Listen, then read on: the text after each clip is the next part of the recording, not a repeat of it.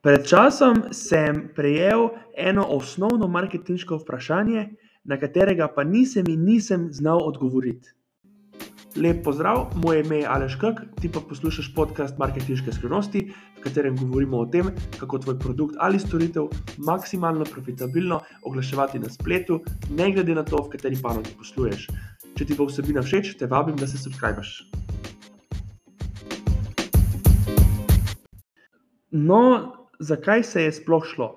Vprašali so me, na kak način se jaz lotim marketinške kampanje, na kak način jaz dosegam neke super prodajne rezultate. In spomnim se, da so takrat od mene pričakovali nek tehnični, nek matematični odgovor. Ampak jaz jim ga nisem uspel dati. Spomnim se, da me je bilo kar malo sram, ker ne na zadnje sem dobil eno zelo osnovno, eno zelo široko vprašanje, na katerega pa nisem znal odgovoriti. In po eni strani jih, po eni strani jih razumem, zato ker vsak misli, da je v marketingu uh, odločilne neke napredne, neke tehnike, neke skrivnostne strategije, malo poznani prijemi, pa v resnici s tem sploh ni tako. Po mojem mnenju, odločajo osnove. Zato na tako vprašanje, kako se lotim jaz marketinga, oziroma verjetno tudi kako se lotijo vsi drugi, malo bolj izkušeni neke oglaševalske kampanje, skoraj zagotovo se je ne lotijo pri nekih kompleksnih stvarih, ampak pri osnovah.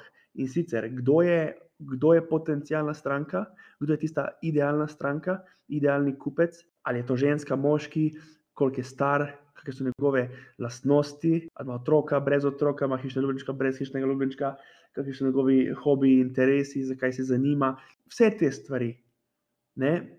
Teh stvari je milijon in več, ko jih vemo, boljši je, bolj lahko naše sporočilo njemu prilagodimo. Cilj je, da mu z našim sporočilom povemo tisto, kar on sam sebi govori v svojih mislih. Ko prebere, da si bo rekel, wow, oni pa točno vejo, kaj gre meni po glavi. To je prvi korak. Če v prvem koraku vemo, kdo ta ciljna stranka je, potem moramo v drugem koraku zelo dobro poznati njegove probleme, pa tudi želje, strahove, ampak predvsem probleme. Ker spet, sporočilo mora biti njemu prilagojeno na način, da se bo v njem našel. Če se ne bo našel, nam ne bo zaupal, in ga naša rešitev, ki jo ponujamo, sploh ne bo zanimala. Zato mora biti, zato research ni brez razloga najpomembnejši del marketinga. In v tretjem koraku predstavimo našo rešitev.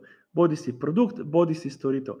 Ampak ne samo predstavimo. Vsak izdelek ima svoje prednosti, in če mi teh prednosti ne povemo, ne pojasnimo, potem je, v, potem je ta naša rešitev, produkt ali storitev, v očeh kupca samo še en izdelek iste sorte in ni v ničemer drugačen od drugih konkurentov na trgu.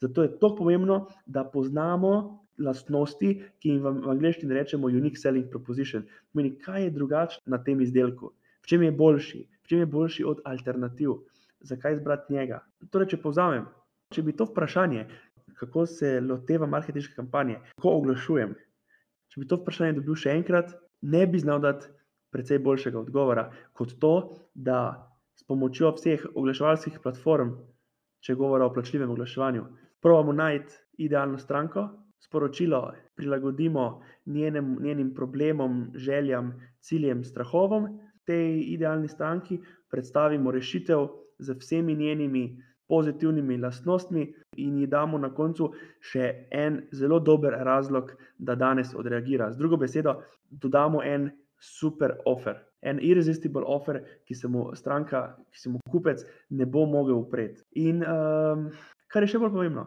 ta proces je enak, ne glede na to, na kateri oglaševalski platformi oglašujemo. Res je, da je malenkost drugače, če, če gre za ta interruption uh, marketing, recimo Facebook ali pa, ali pa, ali pa tudi recimo YouTube, ko pač nekomu pokažemo oglas pred začetkom videa, ko on ni prosil za njega, medtem ko je druga sorta uh, oglasov, je pa pač ta uh, Google Search, kjer gre za to, da se pač naš, uh, naši oglasi prikazujejo tistim, ki to iščejo in dejansko to želijo videti. Ampak ja, neko sporočilo, ki izhaja iz iz te celotne zgodbe je to, da je učinkovit marketing v osnovi čim bolj enostaven, čim manj zakompliciran, da ni odvisen od nekih zelo naprednih uh, strategij. V osnovi, uh, mogoče se marsikdo tukaj z mano ne bo strinjal, ampak po mojih izkušnjah, res je, da nisem upravljal še z 10.000 evri dnevnega budžeta, ampak po mojih izkušnjah je veliko prednosti v tem, če je marketing čim bolj simpel. Seveda pa obstajajo, več časa se pojavljajo, pridejo in grejo neke napredne taktike, ampak te ne, ničemer ne spremenijo tega, da moramo zelo dobro poznati, kdo je naša stranka, moramo poznati njene, njene probleme in moramo nekako na en zelo atraktiven način predstaviti našo rešitev in jo zapakirati v en super offer. Ta proces ostaja enak, ne glede na to, kaj prodajamo, prek katerega kanala prodajamo, in tudi ne, v kateri panogi prodajamo oziroma oglašujemo. To je um, lekcija za danes, mogoče se mi jo predstavlja na malo bolj zmeden način,